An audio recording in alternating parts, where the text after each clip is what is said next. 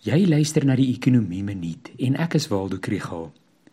Ekonome sê graag dat insentiewe saak maak en die afgelope week was daar twee voorbeelde van wortels en stokke in die nuus wat die regering hoop om Suid-Afrikaners aan te spoor om die regte ding te doen.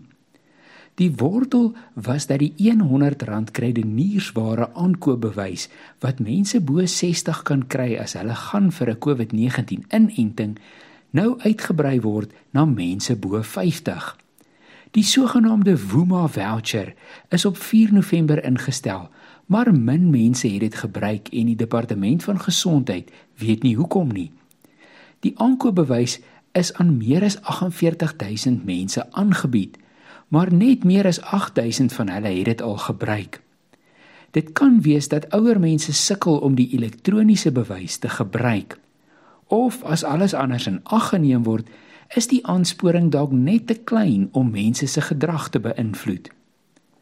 Die stok is dat NSFAS in konsultasie is om 'n 75% vorderingsvereiste in te stel vir finansiële hulp aan studente.